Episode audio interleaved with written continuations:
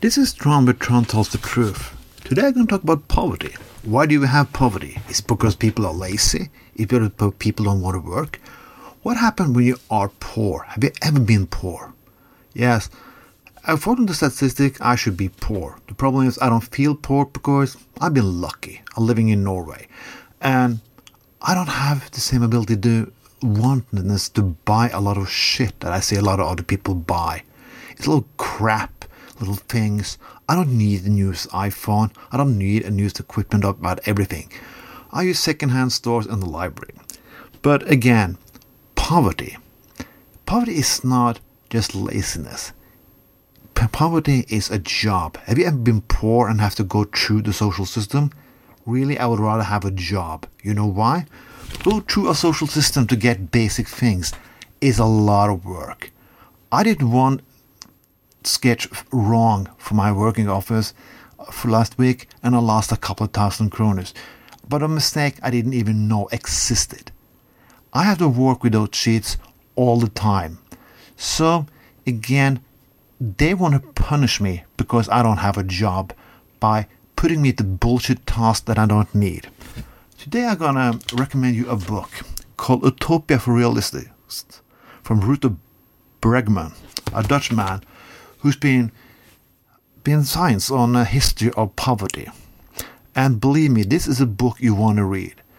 But his utopia ideas can be the next thing if people want to read this book and read other articles of basic economical income. Well, I know, you know why poverty really exists. It's because somebody wants people to be poor. A lot of people use have power when people are poor. When you can ha- when you can get f- cheap labor to get more money, if you can be people to do your shit twenty four seven, you have the power because they uneducated poor people is the best thing for the people have everything. Mitt Romney said during election when he was swinging his golf club uh, uh, uh, outside a country house that, well, Obama want nobody to have this. I want everybody to have this. Really? Can everybody have a country house and swing golf clubs and people carrying them for you? Really, Mitt Romney?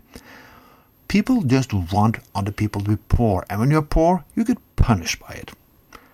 Again, read this book because it's going to enlighten you of a lot of projects to end poverty who've been stranded because the rich, very powerful people don't want the ideas to come out.